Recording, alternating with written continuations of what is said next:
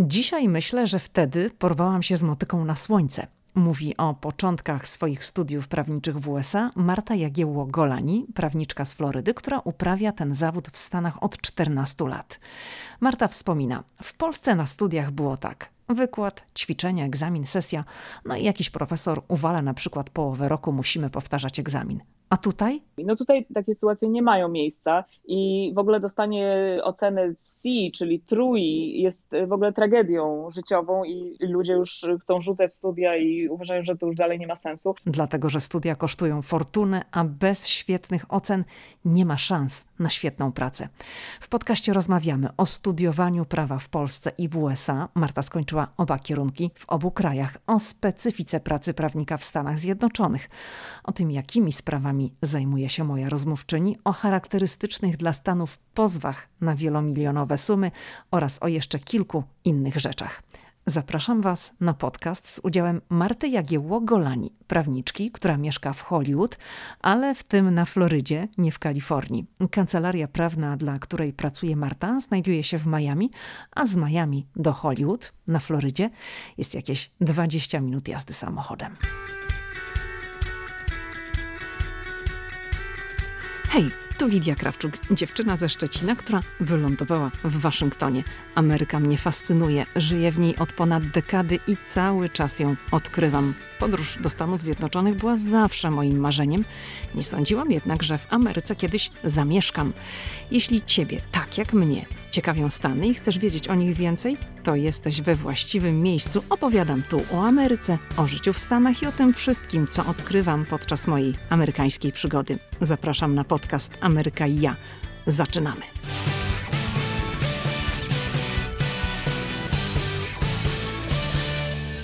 Dzień dobry Marto, witam Cię bardzo serdecznie w 81, tak to już 81 odcinek podcastu Ameryka i ja. Dzień dobry, bardzo mi miło. Marta jest na Florydzie i już teraz, w tej sekundzie, zazdrość nas zżera oczywiście, bo ty masz pewnie za oknem palmy, do plaży rzut beretem i masz super pogodę. To Marta, ile teraz jest u ciebie stopni? U mnie jest teraz e, około 74 Fahrenheita. No właśnie, wiedziałam, że mogłabyś... mi powiesz w Fahrenheitach. Poczekaj, poczekaj, bo ja tu mam konwerter. Mam oczywiście Aha. aplikację, tak? Bo ja w pamięci tego nie przeliczę. To ty mówiłaś, że to jest ile u ciebie? 74. Poczekaj, 74 to 23 stopnie. No to takie o. fajne ciepełko. Tak, przyjemnie. Jest bardzo przyjemnie i dokładnie jest tak jak mówiłaś, mam do plaży 10 minut, palmy za oknem, basen za oknem, e, no, super. Znaczy ja zimę tak. też bardzo lubię, ale lubię taką ze śniegiem, jak można, wiesz, na nartach sobie pojeździć. Ostatnio trochę sypnęło w Waszyngtonie, no ale dzisiaj to już nie jest tak super, ale będzie niedługo znowu padać. Mhm. Nie o plażach, palmach, kokosach i drinkach z palemką będziemy dzisiaj sobie tutaj w podcaście rozmawiać. Będziemy rozmawiać o amerykańskich prawnikach i zawodzie prawnika w Stanach Zjednoczonych, bo Marta jest prawnikiem. Dlatego Marta, na początek proszę powiedz naszym słuchaczom kilka słów o sobie. Jestem w Stanach od 2001 roku e, i jak się tu znalazłam? Zawsze fascynował mnie Nowy Jork i filmy Woody Allena, jeszcze przed tym jak Woody Allen był kontrowersyjną postacią. E, I marzyłam, żeby pojechać do Nowego Jorku, no ale jako 19-20-latka w Polsce no, te marzenia były trochę takie nieosiągalne. No i znalazłam tą organizację, którą pewnie wiele ze Twoich słuchaczy może pamięta, y, Camp America. No, Bo Camp był America, podcast. Mhm. Był o tym podcast, okej, okay, no to super. Tam się zapisywało y, do pracy na takim obozie letnim y, i nie było do końca wiadomo, gdzie się wyląduje. Nie, nie było możliwości wyboru, no ale akurat mi się tak udało, że przydzielono mnie na taki obóz w górach Catskills, które są 60 mil od Nowego Jorku, czyli 80 kilometrów. No i tam spędziłam e, długie, długie lato w roku 2000 i poznałam moją drugą połówkę i tak się złożyło, że... Czyli że, zakochałaś że... się i po prostu tak. w ten sposób tak. znalazłaś się tak. w Ameryce na stałe ale w ten sposób znalazłam się w Ameryce na stałe przez małżeństwo legalne. Żadnych kontrowersyjnych imigracyjnych historii nie było. Przyjechałam z zieloną kartą, więc e, też miałam dzięki temu start ułatwiony w życiu zawodowym, w podejmowaniu studiów i tak. Przyjechałaś do Stanów, tak jak powiedziałaś, w ramach programu Camp America. Potem zakochałaś się, wyszłaś za mąż tutaj. I moje pytanie jest takie, bo jesteś prawnikiem. Czy ty skończyłaś studia prawnicze w Polsce, czy prawo zaczęłaś studiować tutaj i tutaj ta ścieżka tej kariery się prawniczej rozpoczęła? Skończyłam studia w Polsce prawnicze na Uniwersytecie Warszawskim i od razu po tych studiach e, przyjechałam tutaj, czyli nie odbyłam żadnej aplikacji w Polsce i, i, mam tylko skończone studia, mam dyplom, natomiast nigdy nie pracowałam w zawodzie prawniczym w Polsce. To powiedz, jak Twoja ścieżka kariery rozpoczęła się tutaj, no bo zaczęłaś również prawo studiować tutaj, żeby móc je potem praktykować. Tak. Najpierw wylądowałam w takim miasteczku e, na północy Florydy i to jest stolica Florydy. Nie wiem, czy słuchacze sobie zdają sprawę, że stolica Florydy to nie Miami ani żadne inne takie mhm. miasto, tylko Tallahassee na północy. E, I tam e, mój mąż wtedy był studentem na Uniwersytecie Stanowym e, Florida State, a ja, wiadomo, dopiero co się tam znalazłam razem z nim i rozglądałam się w sytuacji z pracą i, i znalazłam pracę w, akurat w kancelarii, która się zajmowała wtedy wypadkami przy pracy. Ta kancelaria reprezentowała ubezpieczycieli od wypadków przy pracy. I ja tam byłam taką po prostu sekretarką. Praca taka komputerowa, y, administracyjna, y, asystowałam tym ludziom w praktykowaniu prawa. I trochę się zaczęłam zastanawiać y, nad tym, co dalej. Um, oczywiście no, wiedziałam, że, że z dyplomem z Polski ja nie mogę się do, do zawodu prawnika dostać w Stanach, wiadomo. No i zaczęłam tak rozważać różne opcje, co ja mogę zrobić. Jednocześnie tam e, w tej kancelarii wiedzieli, że ja skończyłam prawo w Polsce i takie żarty do mnie dochodziły, ha, ha, ha, ale my nie mamy tutaj zasady wzajemności z Polską, czyli że no, jako prawnik z Polski ja nie mogę praktykować prawa w Stanach, wiadomo. Mhm. E, I tak, tak, tak, to podziałało zdecydowanie na moją ambicję. Stwierdziłam, no nie no, nie widzę siebie w takiej roli do końca życia i ja chcę spróbować e, też, też robić to, co oni. I jest taka możliwość, w ogóle dostanie się na studia studia e, prawnicze e, jest dosyć trudne w Stanach. To, jest, to są studia podyplomowe, czyli tutaj e, młodzi ludzie, którzy kończą czteroletni jakiś tam wydział na uniwersytecie i dostają ten, ten stopień bachelor's, dopiero wtedy mogą ubiegać się o, o, o przyjęcie do law school, czyli na, na studia prawnicze, które I, są i potem podyplomowe. ile te studia trwają? Lat? Trzy lata. Mhm. Trzy lata. Czyli w sumie czyli, siedem. Czyli, czyli siedem lat wyższej, wyższego kształcenia. Tak więc okazało się, że moje studia z Polski zostaną mi zaliczone w Stanach jako ten czteroletni bachelor's degree, czyli że, że mogę, mogę ubiegać się o przyjęcie do law school. I znalazłam możliwość studiowania na takim programie jednorocznym, który niektóre, niektóre, niektóre uniwersytety oferują właśnie w, w ramach studiów prawniczych.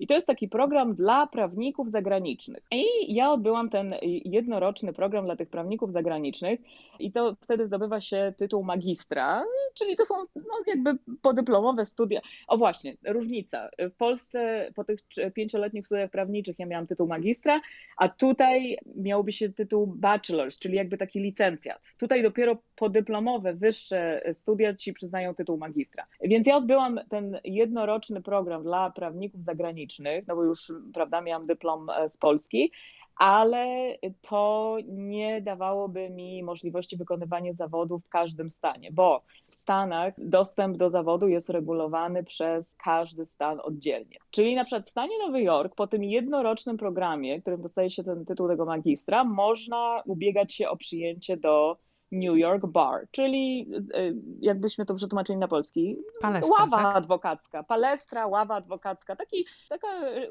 urząd, urząd. To nie jest urząd, to jest, e, jakby to nazwać Może organizacja znowu. skupiająca prawników? Organizacja skupiająca prawników, regulująca zasady wykonywania zawodu i sprawiająca kontrolę nad prawnikami, którzy wykonują zawód w danym stanie. Tak, tak, tak można by to przetłumaczyć, tak można by to określić. Na przykład w Nowym Jorku mogłabym się ubiegać o przyjęcie, a na Florydzie już nie. No i nasza przyszłość zawsze się wiązała z Florydą i, ja wiedziałam, że no ja muszę odbyć jednak te pełne, pełne studia prawnicze, po których otrzymuje się tytuł Juris Doctor. To nie jest żaden doktor, y, taki jest po prostu, tak się nazywa ten tytuł, ale to jest y, stopień naukowy, który poświadcza, że skończyło się pełne studia prawnicze, pełne curriculum, czy też tak powiem, nie wiem, czy w Polsce się tak mówi. Chodzi mi o to, że, że, że wszystkie te przedmioty takie klasyczne, mhm. które są wymagane, że się zaliczyło. Bo na tym programie dla prawników zagranicznych to jakby można sobie tam wybierać, co się chce i, i generalnie nie musisz robić kontraktów, nie musisz robić prawa deliktów, nie musisz się uczyć tych takich podstaw wykształcenia prawniczego, no a na, na studia, które kończą się tym, tym stopniem JD, czyli Juris Doctor, no musisz, musisz te wszystkie przedmioty mieć pozaliczane, co było dla mnie taką trochę trudnością. Tutaj w dostępie na studia bardzo ważne są te standaryzowane testy. I tak jak na normalne studia tutaj uczniowie muszą zdawać te wszystkie SAT i tak dalej, to na studia prawnicze wymagają tego testu, który się nazywa LSAT, czyli LSAT.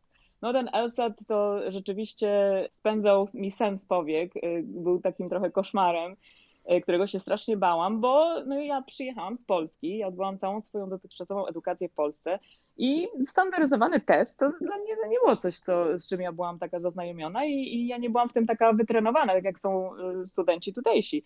No i do tego się oczywiście uczysz, są kursy, które kosztują ogromnie duże pieniądze, e, żeby się przygotować i, i trzeba tam odpowiednio mieć wysoki wynik tego testu, żeby, żeby się dostać na studia prawnicze. E, zrobiłam ten test i, i po prostu na tej samej uczelni, na której odbyłam ten program dla studentów zagranicznych, dla prawników zagranicznych, złożyłam tam aplikację już razem z tym wynikiem LSAT i, i, i tam się dostałam. Na pewno mi to ułatwiło e, fakt, że byłam już tam na tym programie dla prawników zagranicznych, że dostałam bardzo wysokie oceny w czasie tego pro, programu. No po prostu w porównaniu do studentów z innych krajów, no wypadłam bardzo dobrze. Tam studiowałam z Rosjanami, z Rumunami, e, z ludźmi z Azji i po prostu poszło mi dobrze i, i, i zostałam tam przyjęta. No i wtedy już y, oni mi zaliczyli ten jeden rok tego programu dla studentów zagranicznych, dla prawników zagranicznych i tylko dwa lata trwały moje studia w ramach zdobywania tego stopnia JD. No mm. ale razem, razem spędziłam trzy lata na tej uczelni, czyli no tak samo jak, jak, jak amerykański student. Powiedz, czy przeżyłaś jakiś szok, czy może byłaś zaskoczona w to, w jaki sposób studiuje się prawo w Polsce, a w jaki sposób studiuje się prawo w Stanach. Tak, przeżyłam ogromny szok i dzisiaj y, myślę, że porwałam się z jakąś totalną motyką na słońce i, i, żałuję, że nie znałam nikogo, kto mógłby wtedy mną pokierować i e, dać mi jakieś e, porady, doradzić mi, jak, jak się do tego zabrać i jak to zrobić. Tak, w Polsce no, ja studiowałam 20, ponad 20 lat temu, więc oczywiście ja nie wiem, jak się przedstawia stan rzeczy dzisiaj, no ale to były studia, no egzamin, sesja, idę na wykład, idę na ćwiczenia. No ogólnie też jestem młoda, mam znajomych, interesuję się wszystkim i tak no przykładam się do tych studiów, ale tak średnio. No i na przykład jest egzamin, prawda, na polskich studiach, o, połowę roku jakiś tam profesor uwalił, no wszyscy dostali dwóje, musimy powtarzać egzamin. No tutaj takiej sytuacji, takie sytuacje nie mają miejsca i w ogóle dostanie y, oceny C, czyli trój, jest w ogóle tragedią życiową i, i, i ludzie już chcą rzucać studia i uważają, że to już dalej nie ma sensu bardzo, bardzo, bardzo poważne podejście do studiów prawniczych. Jest to mhm. wręcz y, transakcja biznesowa, bo E, umówmy się, te studia tutaj kosztują ogromne pieniądze i taki młody człowiek e, zazwyczaj no, w większości przypadków popada w ogromny dług, e, po prostu pożycza pieniądze na te studia. E, oprocentowane różnie, zależy co tam się uda dostać, ale, ale czasami to jest procent 6-8%. To jest, to jest ogromny, ogromny, ogromny dług. Powiedz, no i teraz ile kosztuje, tak od... dzisiaj, ile kosztuje rok no na Harvardzie. Mhm. tak, rok na Harvardzie kosztuje 65 tysięcy dolarów obecnie. Ale Harvard nie jest najdroższą uczelnią, 30... prawda? Harvard jest A, najbardziej. Nie wiem. Jest na pewno z tych. I Harvard jest jedną Być z tych nie... najbardziej prestiżowych, ale nie jest najdroższą uczelnią. Ja to... nawet nie wiem, patrzyłam e, na cenę prawa, bo no, wydaje mi się, że Harvard jest z tej pierwszej piątce, jeśli tak, chodzi tak, o wydziały prawa no, w Stanach. Jest, to jest jedna z takich najbardziej tak. tak prestiżowych tak. uczelni. To tak. czyli ile? Ponad 60 tysięcy dolarów za jeden rok, tak? Tak, 65 tysięcy, ale mhm. jeszcze też wyliczać ten wydział, że 35 będziesz potrzebować na utrzymanie się, czyli na życie. E, na książki. Czyli ponad 100 No i oni ci pożyczą 100. 100 tysięcy Tak, musisz zaplanować budżet, że to będzie 100 tysięcy za rok. Dolarów. Mhm. Ja mogę ci powiedzieć, ile moje studia kosztowały, jeśli, jeśli cię to interesuje. Jasne. E, ja studiowałam w stanie Illinois na uczelni stanowej University of Illinois. Tam się przenieśliśmy z Florydy. Zdecydowałam się na studia tam, bo dostałam od nich taką finansową ulgę, taką zachętę. Mhm. E, jeden semestr za darmo. No to okej, okay, no to w sumie zmieńmy trochę otoczenie, zobaczmy jak się żyje gdzie indziej. To było takie miasteczko dwie godziny na południe od Chicago i nazywało się Champaign-Urbana. E, jeśli chodzi o doświadczenie, to naprawdę super. E, taki, taki college town. W amerykańskim pojęciu to jest miasto, które głównie żyje tym, że jest tam uniwersytet, że są studenci, wszystko się kręci wokół, wokół tego kampusu, a jednocześnie jesteśmy otoczeni polami kukurydzy i mamy też dwie godziny do dużego miasta Chicago. Więc to było bardzo fajne doświadczenie. E, tam się znaleźliśmy i z racji tego, że no mój mąż tam pracował, byliśmy w stanie ustanowić jakby rezydencję tego stanu, czyli staliśmy się rezydentami stanu i mój semestr kosztował 9 tysięcy dolarów, a dla nierezydentów stanu y, byłoby to 18. No, no to, to w porównaniu do y, Harvardu to duża różnica, tak, prawda? Duża mhm. różnica, tak, dużo taniej, a no, ale 18 tysięcy razy 2, no to już jest tam 36, mhm. 3 lata. A, no, to no, też, też to pamiętaj... jest kilkadziesiąt tysięcy dolarów, tak? To jest tak, taka sama nauka. Tak, mhm, tak, jeszcze jest tak, to utrzymanie jeszcze... i tak dalej jeszcze musisz pamiętać o tym, że trzeba się też utrzymać no i właśnie. oni ci na to mhm. pieniądze pożyczą, ale ale ty musisz e, oddać i to z Ale ty musisz je oddać, tak. E, ja mogę ci powiedzieć, że ja skończyłam studia w 2006 roku i ja do dzisiaj spłacam mój kredyt studencki, natomiast no nie są to jakieś takie sumy powalające mhm. miesięcznie, które mi tam, nie wiem, uniemożliwiają normalne życie, ale do dzisiaj spłacam i, i, i, myślę, że będę spłacać jeszcze dosyć długo. Tak to wygląda. I dlatego też. A powiedz, y, Marta, te kredyty studenckie, te pożyczki, które bierze się przy okazji rozpoczęcia nauki, to one są rozłożone na ile lat? Czy to jest jakiś oblik, czy to zależy od ciebie, kiedy spłacisz. Im dłużej spłacasz, tym więcej spłacasz, tak? A Oczywiście, bo procenty ile, rosną. To na ile wszystko, to mhm. Wszystko zależy od tego, gdzie dostałeś pożyczkę. Są y, pożyczki, które są y, subsydiowane przez rząd, prawda? Czyli no, na lepszych warunkach, lepsze oprocentowanie, ale są też prywatne pożyczki, które po prostu idziesz do banku i bierzesz pożyczkę, tak jak normalnie kredyt na inne rzeczy i no to wszystko zależy naprawdę od, od, indywidualnej sytuacji. Nie ma, nie jest to uregulowane w żaden sposób. Ty masz pożyczkę ja na zawsze... konkretną ilość lat, czy po prostu aż spłacisz? Co roku, nie, co roku musisz y, aplikować, to jest takie podanie, które się nazywa FAFSA, i co roku musisz tą FAFSę składać i tam po prostu ujawniasz całą swoją sytuację finansową. Jeśli na przykład rodzice studenta zarabiają za dużo, taki student nie dostanie y, kredytu i, i, i czasami to są takie sytuacje, że okej, okay, no zarabiają za dużo, żeby się, żeby się zakwalifikował na kredyt, a tak naprawdę nie stać ich do końca, żeby opłacać takie studia. Więc y, tak, trochę, trochę można się znaleźć w takiej nieciekawej sytuacji i wtedy na przykład można szukać prywatnej pożyczki. No i, i ja no, naprawdę znam historię ludzi, którzy płacą jakieś kolosalne, horrendalne sumy za studia i e, myślę, że nie wiem, czy tak śledzisz sytuację w tym kraju, ale cały kryzys no myślę, systemu, właśnie, systemu, ale nie wiem, czy akurat w tym temacie, mhm. czy to Cię interesuje, no ale to jest ogromny kryzys, się zbliża i e, bańka związana z tymi kredytami studenckimi rośnie i, e, no bardzo i dużo w kampanii ludzi... tam, wiesz, obiecywali umorzenie Aha, tych kredytów tak, studenckich. Tak, tak, ale naprawdę niektórym młodym ludziom to nie umożliwia normalne życie, na przykład kupienie domu i tak dalej, bo opłacają naprawdę, naprawdę ogromne E, miesięczne spłaty. Moja koleżanka płaciła chyba 2,5 tysiąca dolarów miesięcznie za kredyt studencki.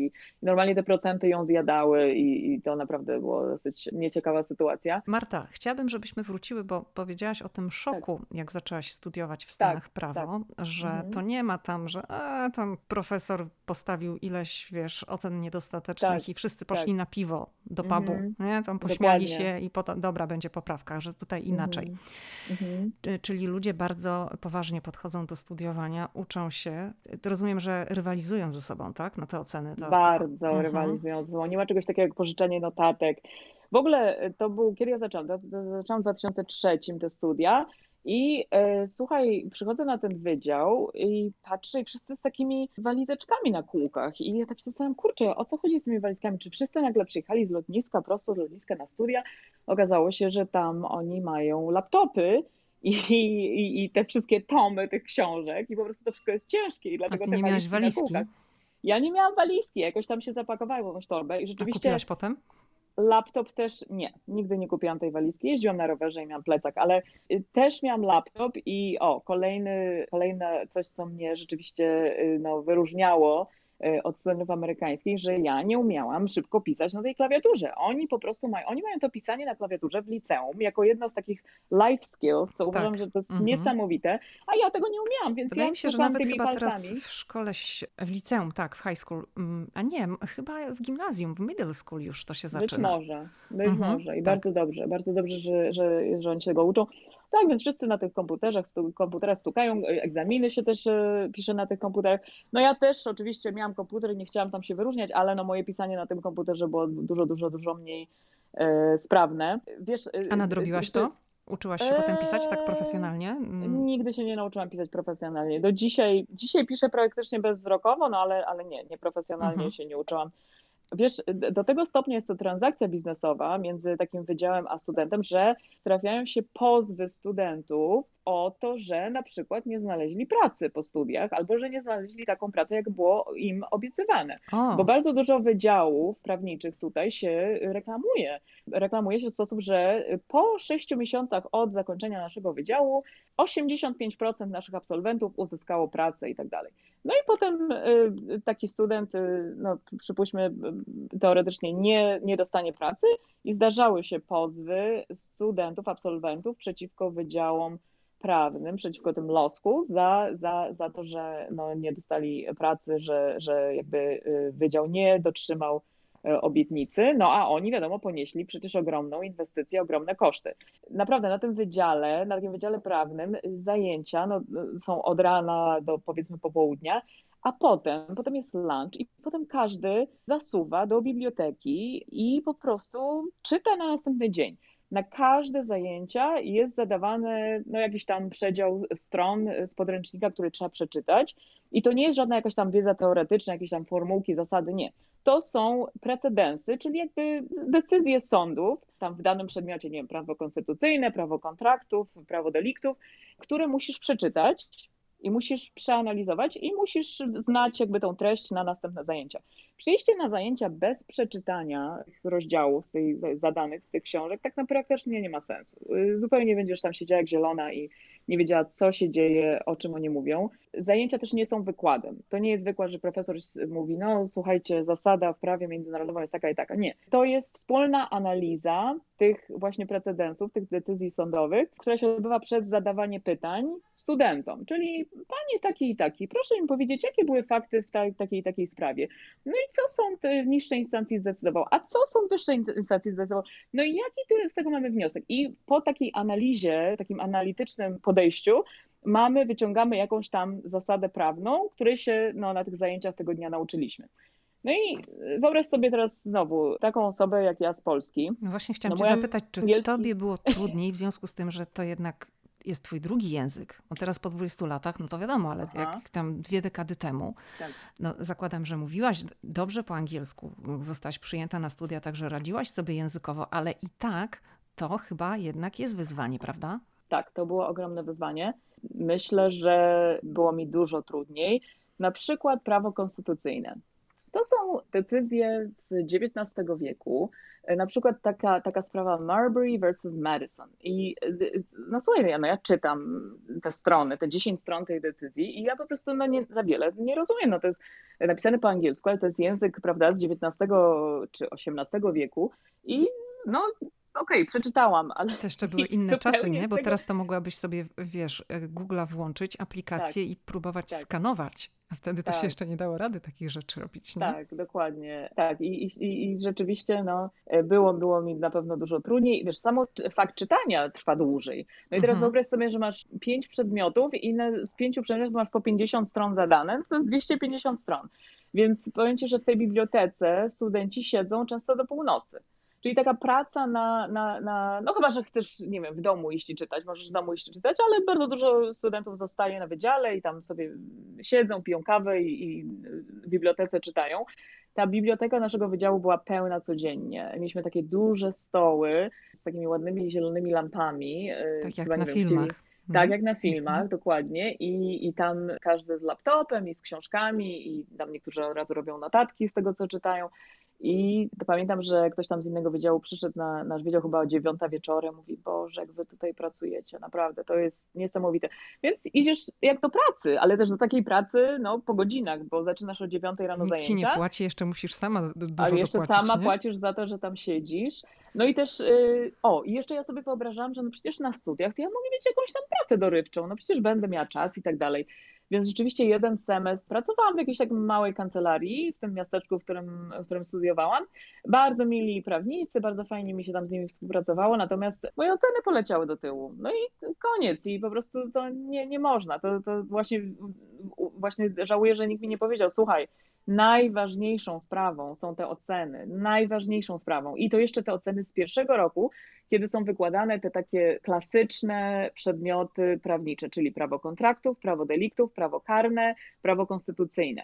Dlaczego Jeżeli- te oceny są najważniejsze? Dlatego, że po pierwszym roku studiów e, na kampus przyjeżdżają duże kancelarie prawne i przeprowadzają targi pracy. I praktycznie werbują cię już, e, już, na, już na studiach po pierwszym roku do pracy u siebie i praktycznie masz szansę na rozmowę z taką kancelarią tylko i wyłącznie, jeśli masz najwyższe oceny.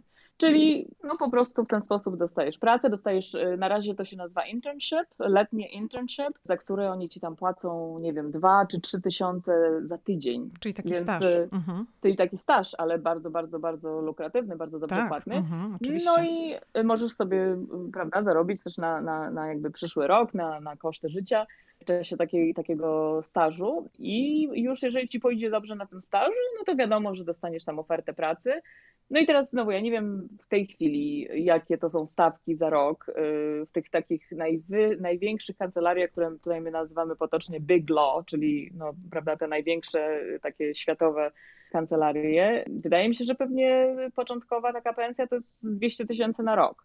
Dla takiej, takiego no, świeżaczka, ledwo po studiach, który tam no, robi głównie jakby taki research w tej kancelarii, no niczym więcej tam się nie zajmuje przez wiele, wiele lat, dopóki go tam Znaczy, to, jest, dopuszczą to jest bardzo duża stawka, zadań. bo chyba średnia pensja tak ogólnie w całych Stanach, bo to też mm, w zależności od stanu, to, to jest chyba gdzieś między 40 a 50 tysięcy dolarów rocznie. Tak mi się wydaje, że to są tego typu stawki. Także jak ty mówisz, Mówisz że... o początkowej pensji, czy o tak średniej O dla tak, prawnika? o, nie, nie, w ogóle w Stanach, Mhm. o średniej pensji, nie mówię o prawnikach. Mówię o średniej O, pensji okej, e, okej, amerykańskiej tak, tak, pensji. tak. Nie, nie, no, Tak, to, tak, to jest oczywiście. prawnictwo, to jest inna Mhm. kategoria. Mhm. Ale no to jeżeli tutaj na wejściu jest, mówimy o pensji rzędu 200 tysięcy dolarów rocznie, to to jest bardzo wysoka pensja.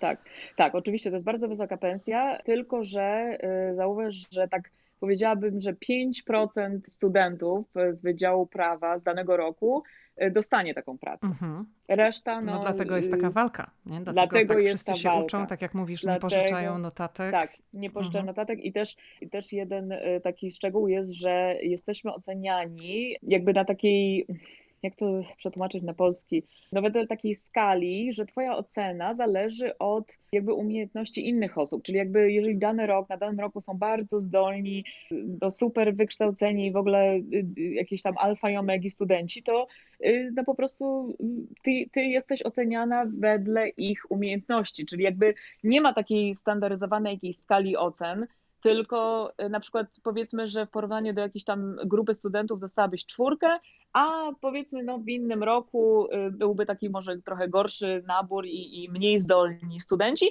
i dostałabyś y, piątkę, więc Mhm. to jest na zasadzie takiej, że no kurczę, studiujesz pomiędzy naprawdę zdolnymi młodymi ludźmi, no i twoja ocena zależy od tego, jak, jak bardzo dobrzy są inni, więc no to jest wszystko bardzo stresujące i, i, i naprawdę nakręca taki totalny rat race, ja bym powiedziała, i y, tą ogromną konkurencję między, między Dlatego, studentami. dlatego wiesz, tak wiele osób jest potem na tych lekach przeciwkolękowych, antydepresantach i tak dalej. Tak, u mnie teraz y, w y, stanie Floryda cały czas dostaję od naszego Florida Bar maile y, na temat naszego mental health awareness i jak dbać o, o nasze zdrowie psychiczne, bo dużo było ostatnio samobójstw na Florydzie, takich prominentnych, znanych prawników, których myślałoby się, o Jezu, przecież on wygrywa wszystkie procesy, jest taki rozchwytywany i nagle okazuje się, że że, że popełni samobójstwo. Więc y, tak, słyszałam o wielu takich przypadkach ostatnio.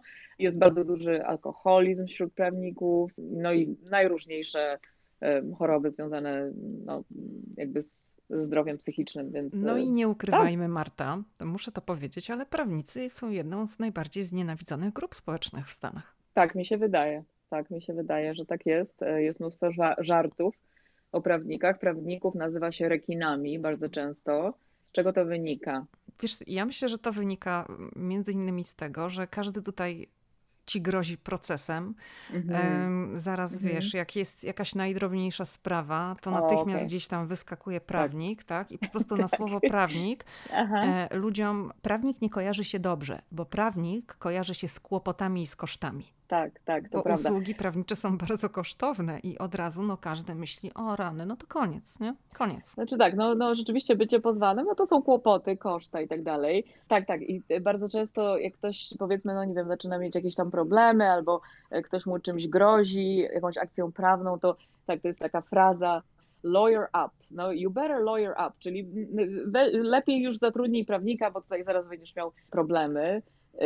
No ja tak, mam taką, wiesz co, taką historię e, osobistą. Miałam kiedyś wypadek samochodowy tutaj mhm. parę lat temu w Stanach.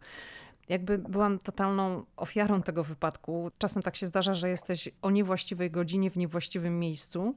Stałam na światłach, zderzyły się dwa samochody. Auto moje dostało rykoszetem i dostało rykoszetem tak, że zostało kompletnie, no poszło do kasacji, mhm. a ja w pierwszej chwili to tak się wydawało, że wszystko jest ok, no a potem się mhm. okazało, że mam uraz kręgosłupa. Mhm. I jak poszłam do lekarza, to pierwsze pytanie, jakie zadał mi lekarz, to było, czy mam prawnika. Mhm. Ja mówię, jakiego prawnika? W ogóle ja mhm. tutaj nic nie ten. No, no. no, zdarzył się wypadek, ale to nie jest moja wina. To jest tak naprawdę między tymi dwiema osobami, które się zderzyły. Mhm. A lekarz mi powiedział, nie, ty też musisz mieć prawnika, ty musisz mieć prawnika. I tak naprawdę mnie nakręcił i kazał mi wziąć prawnika. Mówi, ciebie będą też ściągać po sądach, ty będziesz mieć koszty leczenia, ty musisz mieć prawnika. No i tak się skończyło, że też miałam prawnika, chociaż zupełnie w ogóle nawet I, i przez myśl mi nie przeszło, że, no że, że prawnik będzie mi potrzebny. Ale go miałam. Marta, powiedz nam, jak wygląda ten słynny amerykański bar exam, czyli mm, no, ten egzamin, który uprawnia cię potem, jeżeli go zdasz, do wykonywania zawodu prawnika w Stanach Zjednoczonych. Tak, y, po zakończonych studiach jest jakiś tam okres przygotowania i no, musisz y, ten egzamin zdać, żeby móc zostać przyjętym do ławy y, adwokackiej, ławy prawniczej, nie wiem jak to określić. Do Czyli palestry, żeby móc, tak? Do palestry, żeby móc y, wykonywać zawód, praktykować prawo.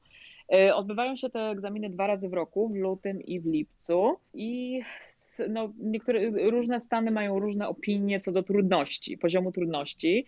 Jest e, jedna, czyli to jest egzamin dwudniowy, w Kalifornii trzydniowy. Po 6 godzin dziennie piszesz ten egzamin. E, jedna część to jest taki ogólny, wszystkie stany mają taki sam, taki sam komponent. No i to są te takie klasyczne e, prawnicze tematy, czyli prawo kontraktów, deliktów, karne i tak dalej. No a potem każdy stan ma swój oddzielny też komponent i w każdym stanie to wygląda inaczej. Najtrudniejsze egzaminy, tak jak ja słyszę, to jest właśnie Nowy Jork, Kalifornia, Floryda. Nie wiem, nie słyszałam, zawsze słyszę o tych trzech, ponieważ tam jest największa ilość prawników. Kalifornii, nie wiem czy wiesz o tym, w Kalifornii nie trzeba y, być w ogóle absolwentem Wydziału Prawa, żeby y, podchodzić do egzaminu. I na przykład nie wiem, czy słyszałeś, że Kim Kardashian uczy się teraz, będzie się kształciła tak, na, tak, kształci się na prawnika. prawnikiem. Tak, no ona nie ma ani bachelors, ani nie, nie, nie uczęszczała prawda, na studia prawnicze, ale ma prawo podejść do egzaminu w Kalifornii. W Kalifornii każdy stan ma swoje jakieś tam regulacje. E, tylko, że y, teraz wyobraź sobie, że w Kalifornii zdawalność tego bar exam jest na poziomie 30%. No i to jest właśnie dlatego, że tam podchodzi do tego egzaminu ogromna ilość ludzi z najróżniejszych e, albo szkół prawniczych, albo w ogóle e, bez studiów prawniczych.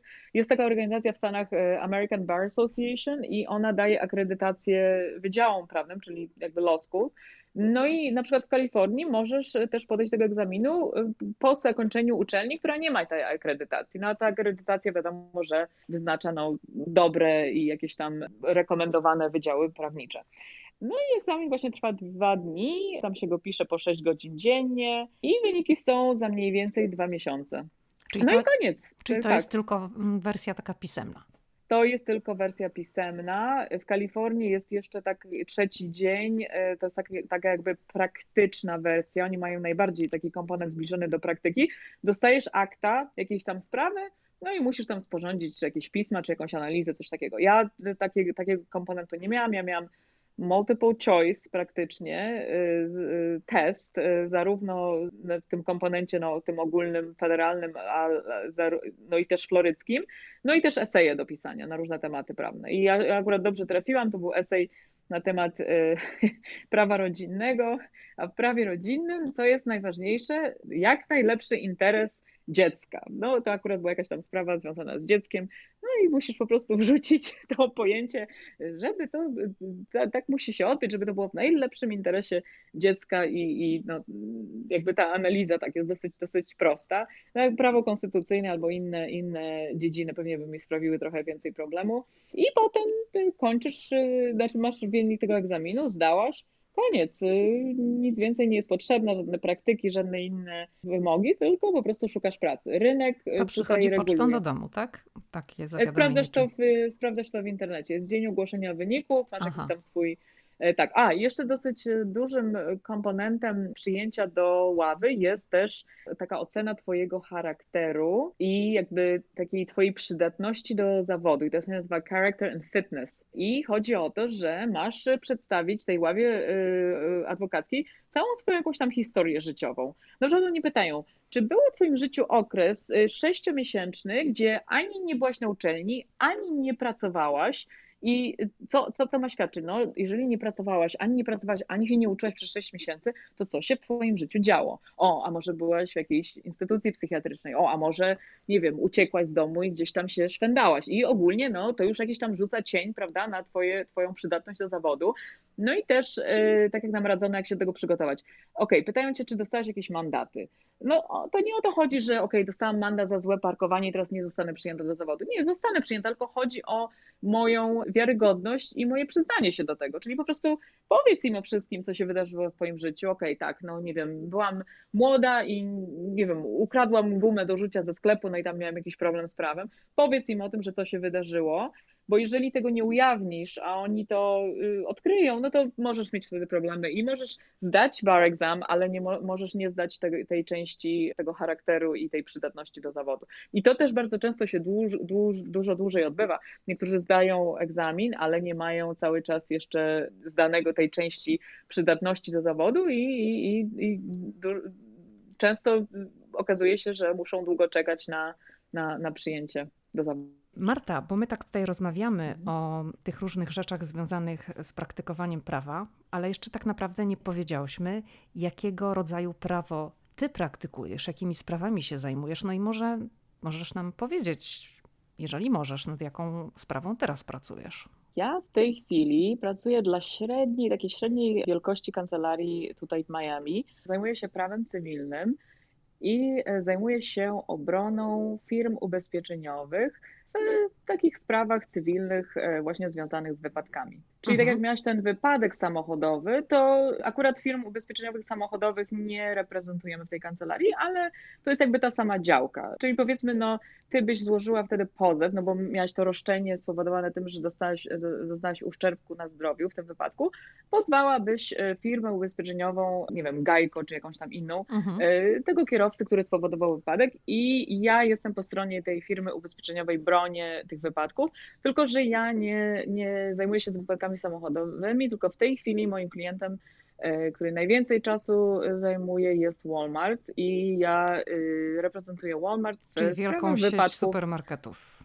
Na pewno wszyscy znają. Reprezentuję ich w sprawach osób, które no, upadły, coś tam im się wydarzyło w Walmartie, złamały nogę, potknęły się i, i tak dalej. I takie osoby e... potem pozywają Walmart, tak, bo na przykład, no daj mi na przykład, jeżeli możesz dać jakiś przykład, nie wiem, bo podłoga była mokra, ktoś się potknął i to jest wina Walmartu, tak?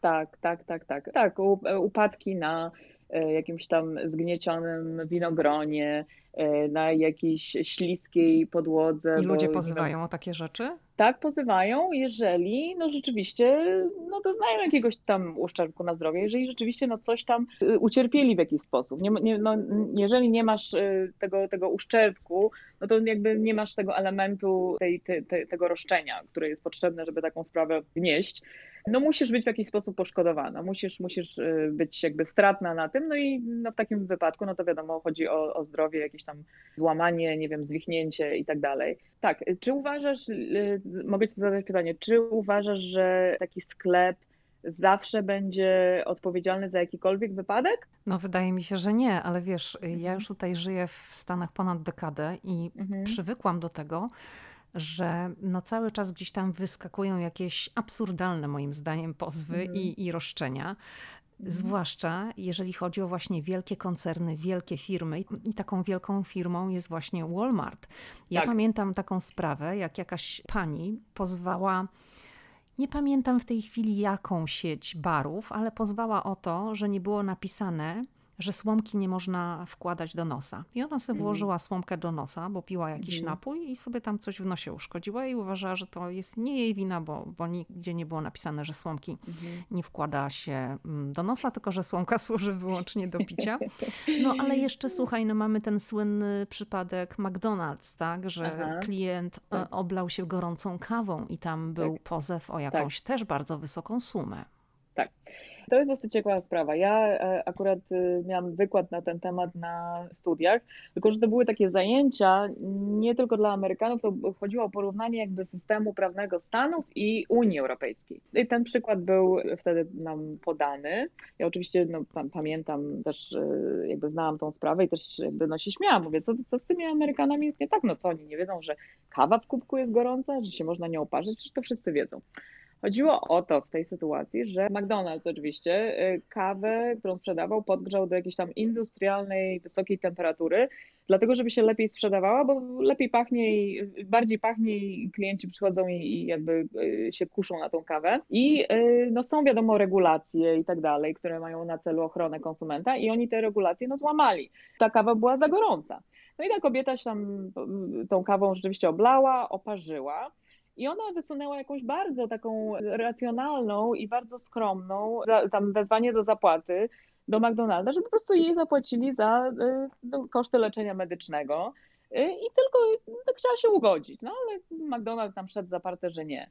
I y, po prostu w tej sprawie przesądziło to, że McDonald dostał tak jakby jakby to nazwać, takie odszkodowanie, zostało jej przyznane odszkodowanie karne.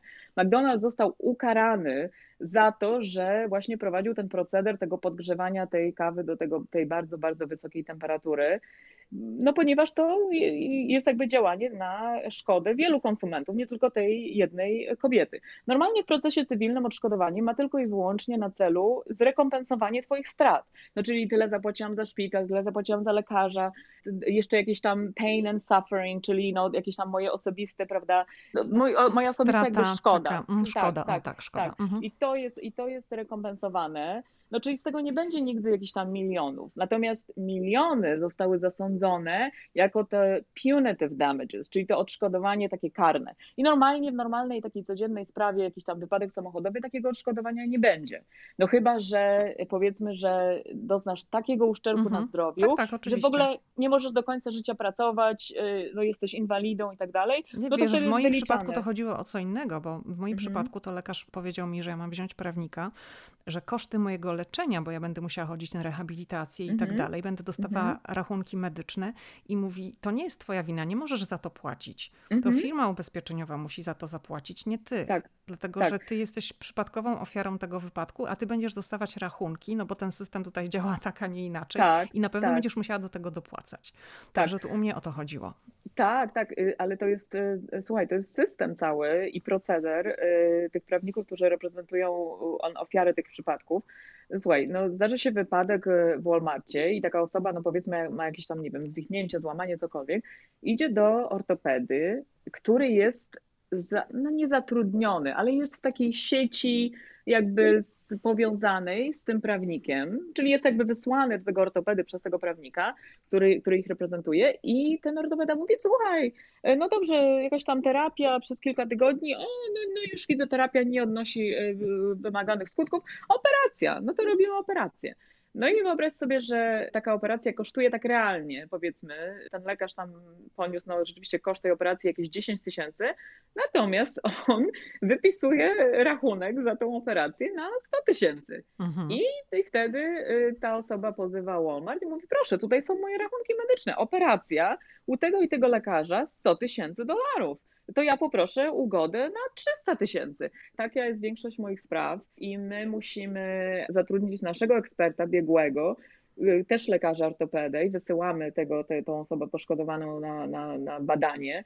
Bardzo często to jest radiolog, musi obejrzeć jakieś tam diagnostyczne filmy i tak dalej, ich prześwietlenia i, i inne ska skany i nam muszą powiedzieć, czy rzeczywiście, no musimy jakby przeprowadzić e, taką naszą analizę, czy rzeczywiście ta operacja była uzasadniona. Bo no wyobraź sobie, to jest taka cała siatka powiązań. Czyli ludzie nad, pra... nadużywają tak, tego systemu. Ale mhm. też prawnik e, jakby, mhm. no, no wyraźnie widzisz, teraz mhm. będę, będę, że tak powiem, no, mówiła negatywne rzeczy o, o ludziach w moim własnym zawodzie, no ale tak jest.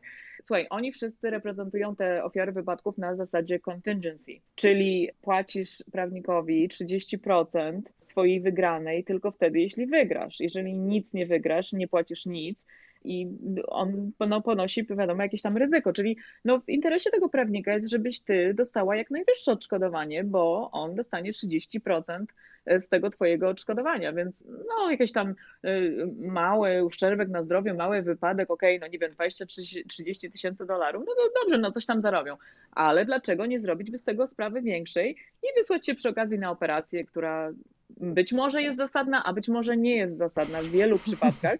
I tutaj proszę, już mamy, y, już mamy teraz y, rachunki, prawda, na ogromne, ogromne, ogromne sumy. Odszkodowanie będzie odpowiednio wyższe i wiadomo, że też prawnik zarobi na, na tym więcej. Walmart na pewno mój klient nie chce być postrzegany jako taka firma, która będzie tak na prawo i lewo rozdawała te odszkodowania, że mają bardzo dużo środków na obsługę prawną i oni nam chętnie będą płacić e, za, za, za naszą reprezentację, żeby rzeczywiście dowiedzieć się, e, czy, czy, czy te operacje, czy te medyczne. Czy te roszczenia są po prostu zasadne? Czy te roszczenia są, czy te roszczenia są zasadne, czy nie są zasadne. Więc na pewno nie będzie tak, że przyjdziesz, przewrócisz się w Walmarcie i zaraz tutaj będziesz bogata do końca życia, zarobisz nie wiadomo jakie pieniądze. Na pewno tak nie jest.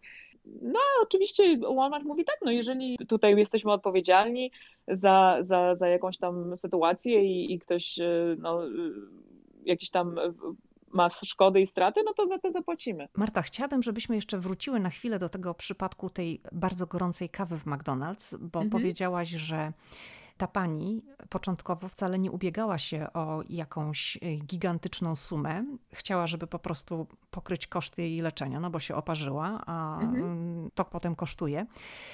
I McDonald's został ukarany, tak? Ale tak.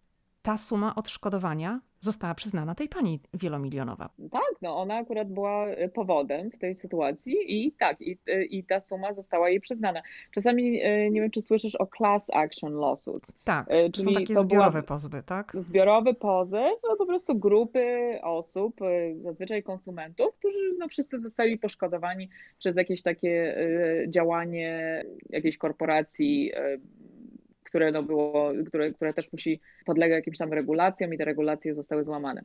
A jeszcze jeden aspekt tej całej sprawy z e, kawą z McDonalda. To też wiąże się z ogromnymi różnicami w e, systemie ubezpieczeń społecznych, prawda, w Stanach i w Europie. No w Stanach e, praktycznie mamy prywatny system ubezpieczeń, nie mamy no, takich świadczeń i takiej opieki socjalnej, no, jaka jest w Europie. Także wyobraź sobie, że jesteś ofiarą takiego wypadku, no i powiedzmy, że no wymaga to jakiejś poważnej hospitalizacji, że, że musisz się poddać leczeniu, które jest długotrwałe i które jest kosztowne.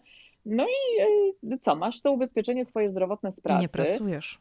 I nie pracujesz, e, no i znowu tutaj e, nie masz L4 zwolnienia, mhm. nie masz jakiś tam nie wiadomo jak długiego czasu z pracy wolnego, który możesz spędzić na tym leczeniu, no i powiedzmy, że tracisz pracę. Tracisz pracę przez to, że byłaś ofiarą wypadku, no to nie jest twoja wina, no ale tak się wydarzyło. Twój pracodawca już w tym momencie odciął ci to ubezpieczenie medyczne, no i siedzisz w tym szpitalu, rachunki, że tak powiem, rosną, ty nie masz pracy, zaraz się okaże, że w ogóle nie masz domu, jesteś już homeless i koniec.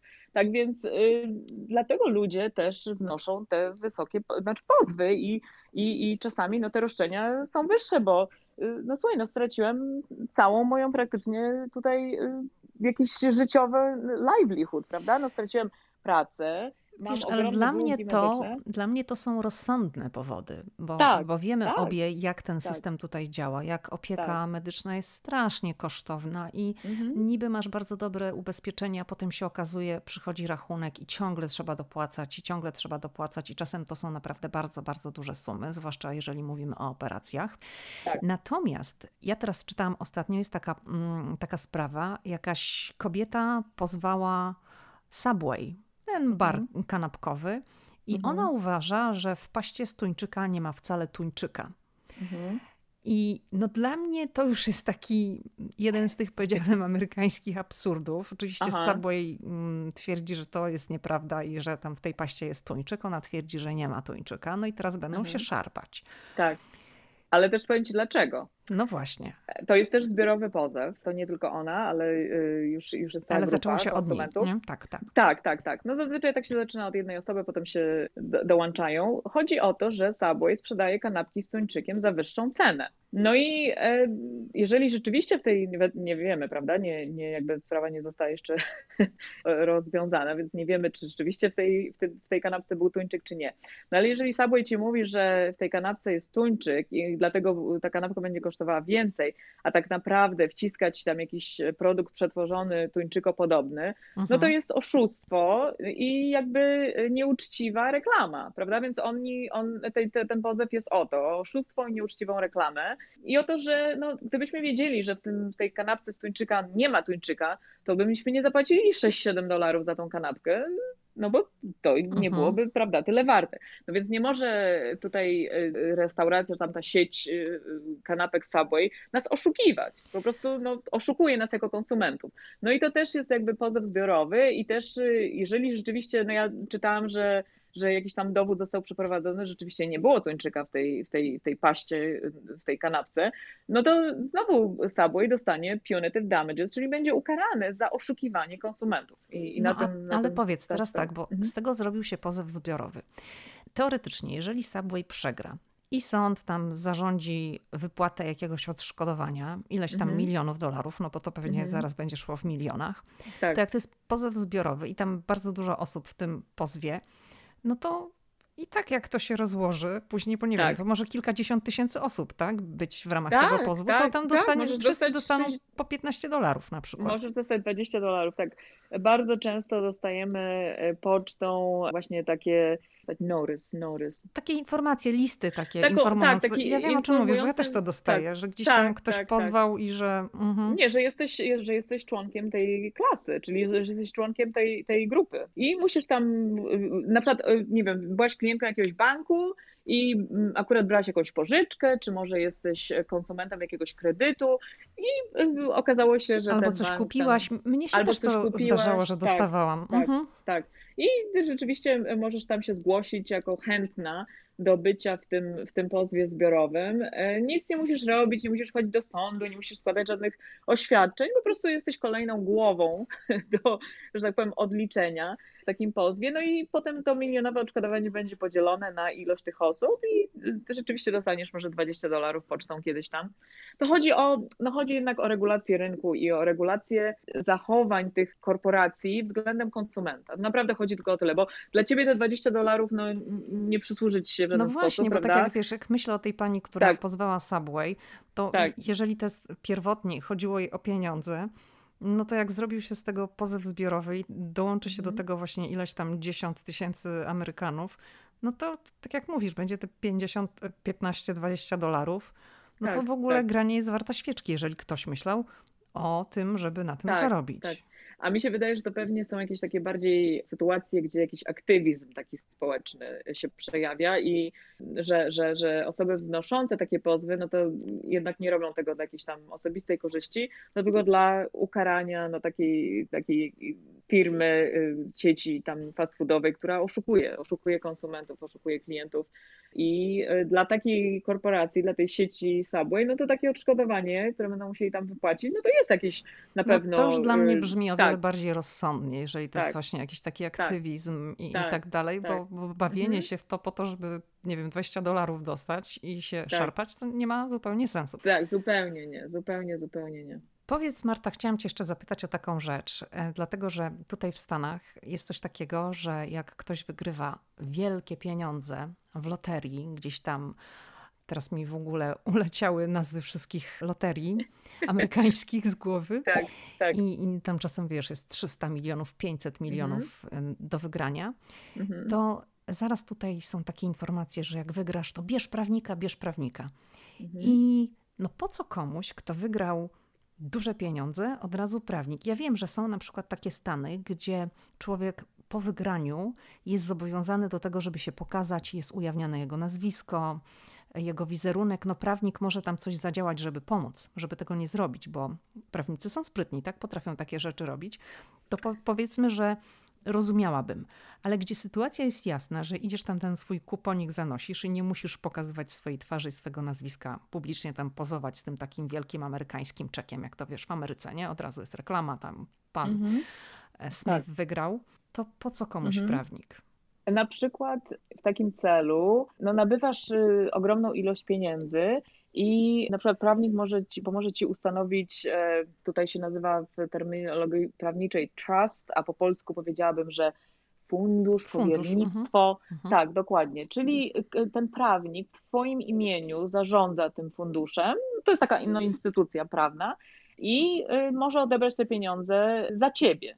No, czyli ty się zupełnie nie ujawniasz, y, to wszystko jest anonimowe, no ty jesteś, y, prawda, bezpieczna i, i, i ukryta, no a prawnik tutaj za ciebie załatwia te sprawy formalne. E, no słuchaj, też bardzo często się zdarza, że ludzie, którzy wygrywają ogromne pieniądze na loterii, no zaraz y, mają mnóstwo pozwów, jakichś problemów, jakichś pogróżek, próśb. E, słuchaj, no boją się, że dzieci im zostaną porwane. E, no ogólnie ta anonimowość jest jednak bardzo, bardzo, mhm. bardzo ważna. I bardzo często się okazuje, że o, kuzyn jakiś tam nagle się okazało, że wy, wysuwa jakiś pozew prawny przeciwko mnie, no i zapłać mi teraz dwa miliony za coś tam, coś tam. No i dobrze jest mieć prawnika, który, że tak powiem, odstraszy te, te wszystkie jakieś takie śmieszne prawda, pozwy zupełnie niezasadne i, i w jakiś sposób no, będzie zapewnić ci i anonimowość, i, i, i jakieś takie bezpieczeństwo, i, i też zarządza, prawda, pomoże ci pomoże ci jakoś tak zarządzić tą masą pieniędzy, no bo to, to nie jest łatwe. No jeżeli się prawda, ma jakiś normalny budżet, tutaj nagle miliony, no to człowiek, człowieka trochę to przerasta i zupełnie nie wie, jak się, jak się poruszać, więc y, tak, na pewno te, też będzie jakiś doradca finansowy i tak dalej. No, całą musisz tutaj drużynę, myślę, że ludzi, grupę ludzi zatrudnić, A nie wydaje ci się, że to jest absurdalne trochę tutaj w Stanach, że prawo samo w sobie nie chroni takich osób z klucza od razu, że wygrywasz taką sumę i nie masz prawa do prywatności, tylko po mhm. prostu musisz zatrudniać prawnika, żeby on mhm. oczywiście za procent, za pieniądze, dobry tak, procent tak. od tej wygranej mhm. uchronił cię od tego, że nie pokażesz twarzy, e, mhm. że właśnie będzie odstraszał mm, jakieś mhm. dziwne pozwy, bo, bo nagle mhm. ogłasza się publicznie na stronie internetowej, że Jan Kowalski wygrał 300 tak. milionów dolarów w loterii. No to jest tak, no właśnie, absurd? Y, Gdzie tak, jest, Stany... idziesz do lekarza i wszystko tak. jest tam podpisane wpisują, że twoje dane osobowe są mm, chronione, są chronione mhm. a wygrywasz takie pieniądze, gdzie to wiadomo, od razu jesteś narażona na mhm. różne zewnętrzne strzały, tak to nazwijmy, nikt cię nie chroni. Jeszcze mhm. cię wystawia na strzał. Tak, tak. Y, to myślę, że y, te, te, te, te y, agencje loteryjne stanowe po prostu chcą wykorzystać tą sytuację no, do promocji, do jakiejś tam reklamy, że słuchaj, no to jest to prawdziwa osoba, no zobacz, no prawdziwa jakaś tam Marysia wygrała 300 milionów dolarów. No, no ale to, to, to nie powinno tam... być regulowane gdzieś tam na poziomie takim federalnym? E, no nie jest regulowane na poziomie federalnym, jest regulowane na poziomie stanowym, natomiast badania wskazały, że no wszyscy chcą być w takiej sytuacji anonimowi, że, że, że to No takie właśnie. prawo, które cię Mhm. zmusza do ujawnienia się jest y, w ogóle, no, y, tak jak mówisz, y, no zupełnie absurdalne, zupełnie, zupełnie, zupełnie absurdalne i naprawdę interes tutaj stanu w promowaniu loterii nie powinien przewyższać twojego osobistego interesu w tym, że, że, że powinnaś no, zos- pozostać ano- anonimowa w takiej sytuacji. Znaczy, promocją jest i tak sam fakt, że ktoś wygrał, tak? No bo Tak, i tak informacja idzie do mediów, że tam pan z takiego nawet miasta czy stanu wygrał ileś tam set milionów dolarów, no to jest promocja samej loterii. Tak, E, tak. No ale tutaj właśnie to jest to, co, co, co zawsze mnie uderza i, i te wszystkie komunikaty bierz prawnika, bierz prawnika. To Mhm. jak już tak sobie rozmawiamy o prawnikach, to chciałabym cię zapytać o reklamy prawników, Tak. które można oglądać to chyba tylko w Ameryce, gdzieś tam na jakichś Tak. dużych billboardach, na słupach. Czy ty kiedyś wisiałaś na billboardzie, że tak mm, powiem dosadnie? Nie, nie wisiałam na billboardzie, ponieważ ja jestem po drugiej strony, ciemnej strony mocy. Ja nie reprezentuję ofiary No tak, mhm. wypadków, tylko jestem po drugiej stronie. Rzeczywiście prawnicy, którzy y, są, są po drugiej stronie, reprezentują ofiary, muszą się reklamować, bo no, oni y, swoją całą praktykę prowadzą na zasadzie no, ilości tych spraw. Muszą tych spraw mieć dużo, bo niektóre sprawy wygrywają, niektóre przegrywają, a tak jak Ci mówiłam, oni z, y, działają na zasadzie contingency, no czyli powiedzmy no 50% spraw wygrasz, 50% przegrasz, no jakoś tam zarabiasz, ale nie masz nigdy gwarancji, prawda, wygrania takiej sprawy. Po pierwsze, taka sprawa może się toczyć długo, dosyć długo, a po drugie, no możesz ją po prostu przegrać, tak więc musisz mieć jakby taki jakby high volume, musisz mieć dużo tych klientów, yy, yy, no żeby, żeby jakoś funkcjonować. Tak, te duże personal injury, czyli yy, kancelarie, czyli zajmujące się właśnie reprezentowaniem poszkodowanych w wypadkach, tak, one się reklamują, bardzo dużo jest tych reklam i to są właśnie głównie ludzie, którzy wiszą na tych słupach. Czasami też y, y, prawnicy od rozwodów. Y, No, rozwody są, wiadomo, tutaj ponad 50% społeczeństwa się rozwodzi, więc są dosyć popularną usługą prawną. 1-800 divorce i tak dalej, quick divorce, tego typu Mhm. ogłoszenia wszędzie można zobaczyć. No bo to też jest taki znowu duża ilość tych spraw, duży, duży, du, dużo, dużo ich się prowadzi. No i w ten sposób y, no, prawnicy przyciągają prawda, klientów.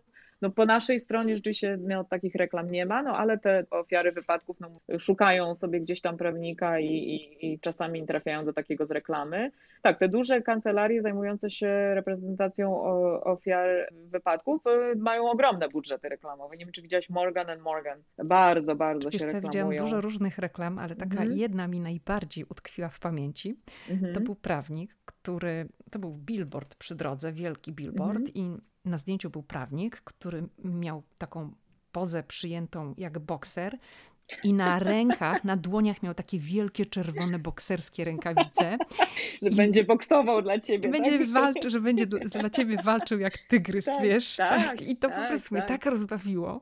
Tak, No bardzo to zwraca uwagę, tak, ale tak. zastanawiam się, mm, jak tak patrzę na taką reklamę, na ile to jest skuteczne. Czy ja bym chciała takiego gościa z reklamy, No, gdzie to jest trochę taki showman, Mhm. czy, y, czy po prostu mm, wolałabym jakiegoś innego? Mhm. A jak znalazłaś swojego prawnika? A to widzisz, to jest właśnie ten cały system. Lekarz od Mhm. razu mówi, ale jak chcesz, to ja Tak. tutaj mam i dał mi Tak. wizytówkę. Tak. No, tak. oczywiście. Tak, e, tak, nawet e, niektóre te reklamy, jak e, zwrócisz uwagę, to oni ci pomagają i dają ci takie instrukcje, jak się zachować właśnie po wypadku. To jest reklama oczywiście, Mhm. ale pod, e, mówią ci, słuchaj, zasada numer jeden, nigdy tam nie przyznawaj firmie ubezpieczeniowej żadnych, tam się do niczego nie przyznawaj, nic nie mów, nie, nie potwierdzaj, tylko Mhm. od razu zadzwoń do nas i my od razu będziemy cię reprezentować i od razu wiemy, jak postępować i ty się nie daj nabrać na jakieś tam triki tej drugiej strony i tak dalej.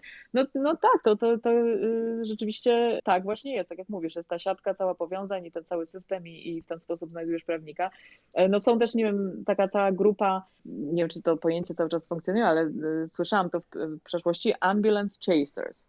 To jest y, prawnik, który jedzie za karetką, która właśnie zwinęła delikwenta z wypadku i już w szpitalu tam przy łóżku daje mu swoją, e, prawda, wizytówkę i mówi, słuchaj, no widziałem, właśnie byłeś w wypadku, jesteś ofiarą wypadku, ja cię tutaj będę reprezentował. A myślisz, Więc że tak, to- ten e, ambulans tam dzwoni do jakiegoś prawnika, mówi, słuchaj, mamy tutaj takiego gościa, właśnie miał wypadek, przyjedźcie. Ja mówię, dobra, wsiadam. No słuchaj, tak- Jeżeli, jeżeli, jeżeli będzie jakiś e, podział w profitach, to być może i tak. Czyli takie układy Skąd nie są, nie wzięło? są wykluczone, prawda? Takie układy? tak, nie są wykluczone. I na przykład widzisz, e, u mnie na Florydzie, nie wiem jak w innych Stanach, ja nawet nie mogę zadać takiego pytania podczas przesłuchiwania takiej ofiary wypadku. Nie mogę zapytać, no kto cię wysłał do tego lekarza, bo to jest naruszenie e, tej confidentiality, attorney-client confidentiality. Kurczę, jak to przetłumaczyć na polski? Klauzula poufności. Klauzula poufności między, to by było naruszenie, naruszenie klauzuli poufności między tam klientem a a adwokatem. Czyli no adwokat, prawda, poradził temu delikwentowi, słuchaj, idź do takiej takiej kliniki, do tego ortopedy. No i wiadomo, że to było w celu, no, prawda, tego, żeby przedstawić dowód na to, jak drogie było to leczenie. No to idź do tego konkretnego lekarza, którego ja ci polecam. No bo ten konkretny lekarz jest lekarzem moim, powiązanym ze mną w mojej siatce i no, on się tam odpowiednio zajmie. A, i to leczenie odbywa się pod y, czymś takim, co się nazywa Letter of Protection, czyli lekarz ma tak naprawdę umowę i kontrakt z prawnikiem, że wie, że, że, że, że koszty tego leczenia zostaną pokryte przez prawnika. Czyli jeżeli powiedzmy, no nie wiem, sprawa się jakoś tam rozwiąże niekorzystnie, no to i tak ten lekarz coś tam dostanie od tego prawnika, te koszty leczenia zostaną pokryte. No czyli jakby jest to małe, małe ryzyko dla lekarza, prawda, żeby, żeby te, taką usługę medyczną świadczyć te reklamy, muszę ci powiedzieć, że są bardzo regulowane przez właśnie te ławy adwokackie stanowe. Takie ogłoszenie, taki billboard musi być e, zaaprobowany przez e, odpowiednie władze. Bo prawnik jest zawodem zaufania publicznego, więc nie może być żadnych kłamstw, nie może być żadnych, nie może właśnie być żadnego takiego fałszywego reklamowania się i niepra nieprawdy, nie możesz poświadczać, że o, jestem specjalistą od prawa takiego, takiego, jeśli nie jesteś specjalistą tego prawa, no bo ludzie, no po prostu, prawda, yy, wierzą tym mhm. ogłoszeniom i, i, no nie możesz, nie możesz kłamać. Nie Ale możesz reklamy musisz... kreatywne są dozwolone. Czyli A są reklamy, właśnie tak. jak tu mówiłam, czerwone rękawice, będę tak. za ciebie walczył jak tygrys, tak. to tak. są dozwolone. Tak, tak są dozwolone. Mhm. Chciałabym, żebyśmy jeszcze porozmawiały o amerykańskich serialach prawniczych, no bo wiesz, wszyscy je oglądamy. I powiedz, czy to rzeczywiście jest tak na salach sądowych, czy to jest taka rzeczywistość, jak mm, w amerykańskich filmach się widzi, wiesz, takie pach, pach, pytanie, odpowiedź, takie powiedziałabym sprzeczki mhm. na argumenty między obroną a oskarżeniem. Czy to mhm. jednak jest trochę Hollywood? No ja jestem, jestem wielką fanką serialu, znaczy już nie kręcą nowych odcinków, ale Suits to był mój ulubiony serial. I pytanie, czy to tak wygląda w rzeczywistości? Akurat tego serialu nie znam, ale ogólnie to rzeczywiście oglądając te seriale w Polsce, y, no, jest się pod wrażeniem, ale to też się wiąże z prawda, innym systemem prawnym. Tutaj proces taki prawny, rozprawa jest, odbywa się w systemie adwersaryjnym, czyli obrona i oskarżenie są swoimi adwersarzami i no, oni właśnie prawda, przeprowadzają, tak jak mówisz, te, ta, ta walka na argumenty, no, muszą przedstawić cały materiał dowodowy jurorom, prawda, którzy siedzą w ławie przysięgnych i no, muszą sprawić, że no, juror uwierzy którejś tam wersji wydarzeń, prawda? Czyli no, albo mojej stronie, albo przeciwnej. No i to jest taki właśnie teatr, taki naprawdę show. To jest yy, naprawdę bardzo często y, tacy prawnicy, którzy no, specjalizują się jakby, prawda, w procesie, czyli no, w odbywaniu już tych jakby rozpraw, to są showmeni, to są aktorzy. To naprawdę to chodzi o wzbudzenie emocji w tych, tych ławnikach, to żeby im przedstawić, o Boże, jakie to straszna tragedia się wydarzyła, ta osoba teraz jest tak poszkodowana i, i, i nie wiem, nie może się bawić z wnuczką albo nie może czegoś, podczas gdy mamy, druga strona ma na przykład dowody tego, że o, bo jeszcze widzisz, takie dowody są zbierane na przykład y, mogą ci przejrzeć Facebook albo zatrudnić jakiegoś tam prywatnego y, detektywa, y, który zrobi zdjęcia odpowiednie, no którym jest pokazane, że wcale twoje życie po tym wypadku nie, nie jest takie straszne i że wręcz jakiś tam odbywasz, prawda, aktywność fizyczną normalnie i że jesteś w stanie tą nogę wyprostować, mimo tego, że Mówisz, no, nam że powiedziałeś. Jesteś, tak? Tak, właśnie, właśnie, właśnie. Tak więc e, to jest system adwersaryjny, a sędzia, tak jak nie wiem, zauważyłeś, siedzi i się przysłuchuje temu mhm, wszystkiemu. Tak. No i tam dba o to, żeby te zasady e, dowodowe, żeby e, jakby tam nie było żadnych naruszeń, żeby no, proces odbywał się wedle prawda, prawa, ale, ale sędzia no, się nie nie, nie, zupełnie nie angażuje, nie przesłuchuje świadków, tak jak zwróciłaś uwagę, tylko prawnicy po obu stronach przesłuchują świadków. I w Polsce no jest inaczej, to jest system inkwizycyjny, gdzie sędzia y, no, odgrywa aktywną rolę w procesie i sędzia tam przesłuchuje i sędzia ma du dużo bardziej aktywną rolę. Więc rzeczywiście no, w tym stopniu to tak jest. Tak, tak, y, myślę, że, że, że, że taki proces się odbywa no, tak y, podobnie jak to jest w serialu. E, na pewno w serialu jest tak, że no, wydaje się jakaś tam sytuacja, czy nie, przestępstwo jest popełnione i zaraz już masz, za chwilę masz proces. No, no tutaj droga do takiej e, ostatecznej tej rozprawy, tego procesu jest bardzo długa. Jeśli chodzi o sprawy cywilne, powiedziałabym, że 95% spraw cywilnych kończy się ugodą. E, usługi prawne są bardzo drogie. No i tak jak ja, no nie wiem, dla tam ofiar wypadku, no to jest prawnik zatrudniony na zasadzie contingency, no ale dla drugiej strony to jest płacenie prawnikowi za godzinę.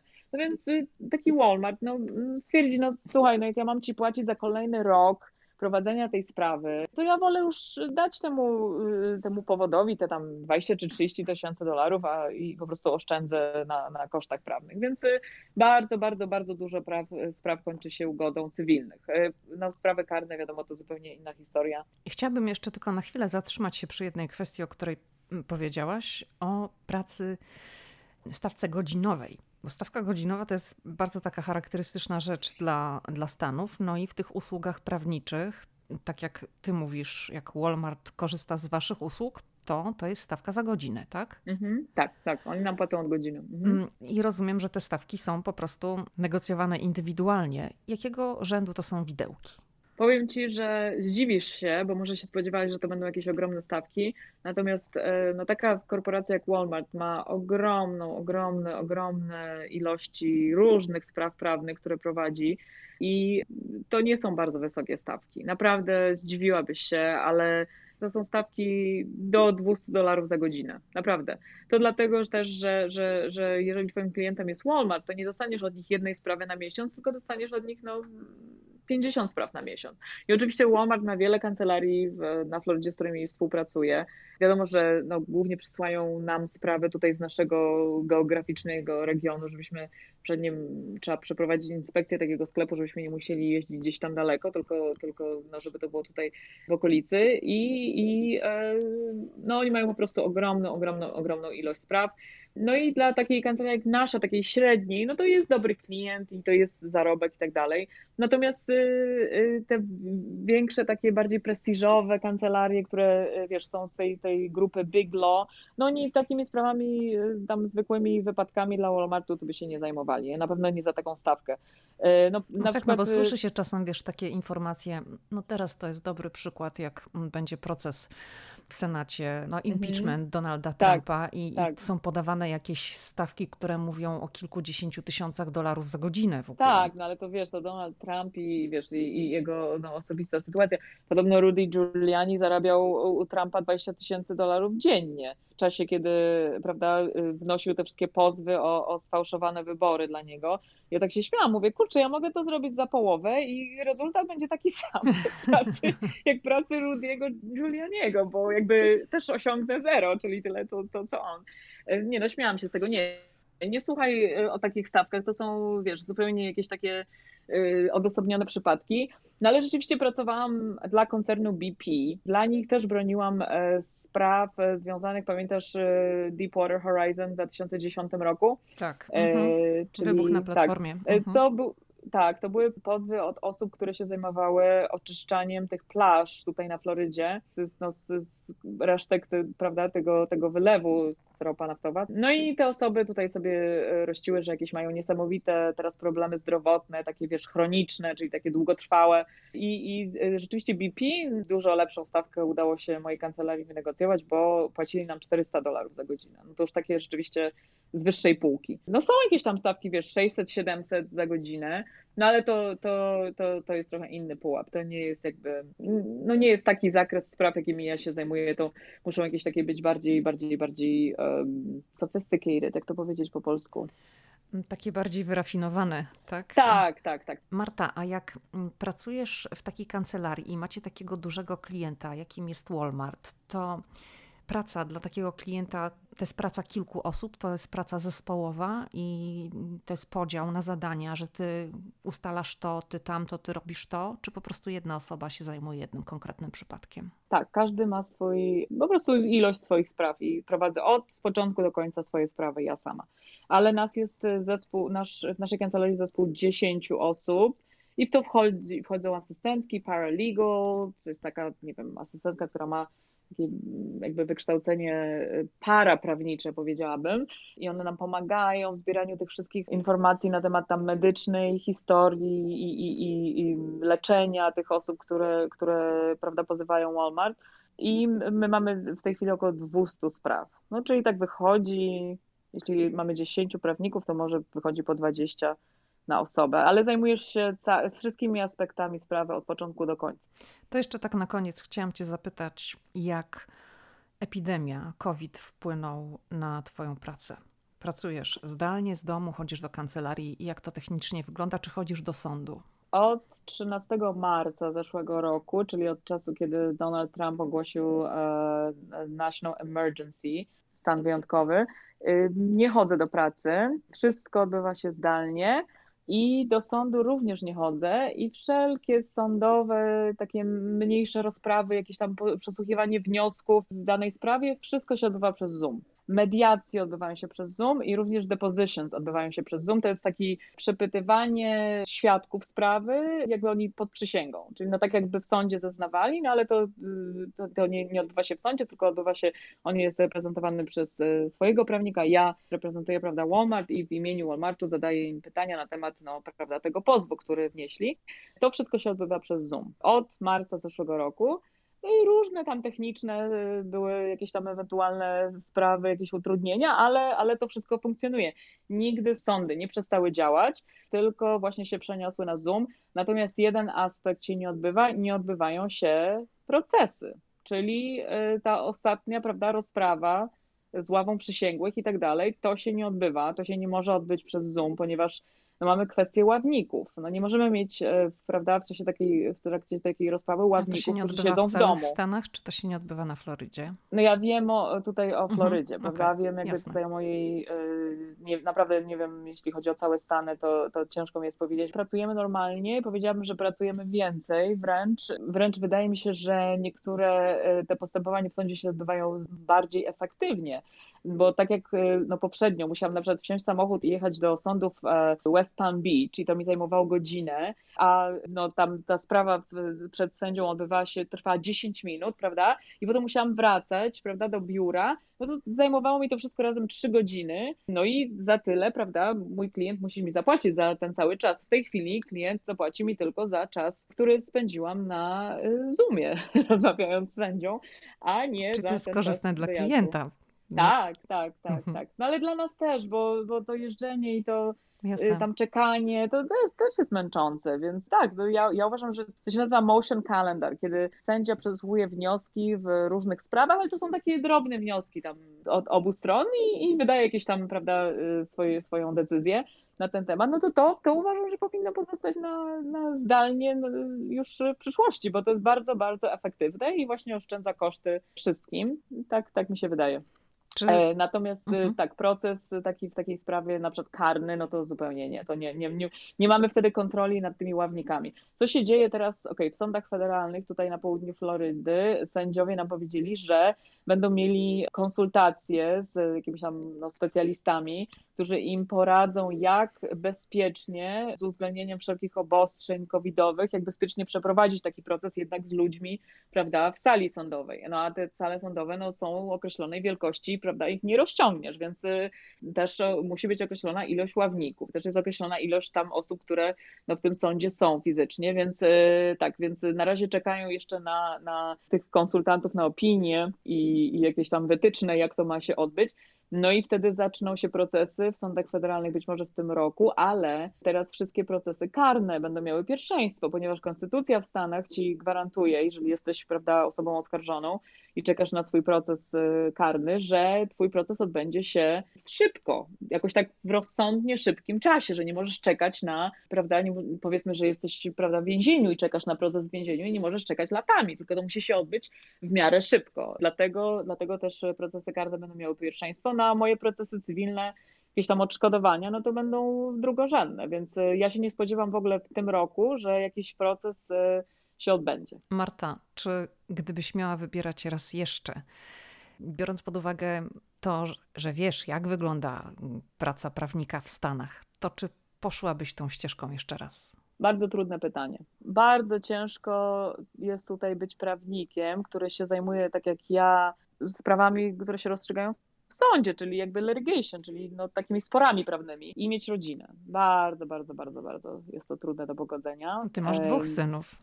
Jest to też ja mam dwóch synów, e, jeszcze są oni dosyć mali. No i tak paradoksalnie pandemia spowodowała, że no spędzam z nimi ogromne ilości czasu, dużo więcej czasu niż kiedyś. No ale też konsekwencja jest taka, że jeśli chodzi o napisanie czegoś i tam zredagowanie, jakiś research, no to po prostu nie jestem w stanie tego zrobić w ciągu dnia. Ja Nigdy tak dużo nie pracowałam po nocach jak teraz. Naprawdę też no, zdrowie się tym trochę wykańcza i na pewno nie jest to zdrowe, ale no taka jest rzeczywistość. W dzień oczywiście jakieś tam bieżące sprawy z, pracy pozałatwiam i odpowiem na maile i odbędę jakieś tam telefony, konferencje, ale jakiegoś takiego skupienia w ciągu dnia zupełnie nie mam. To jest zupełnie niemożliwe. Ogólnie jest to zawód wciąż bardzo zdominowany przez mężczyzn i powiedziałabym, że jeszcze dużo czasu upłynie, zanim kobiety wykonujące ten zawód będą traktowane tak samo i będą miały takie same pensje jak mężczyźni.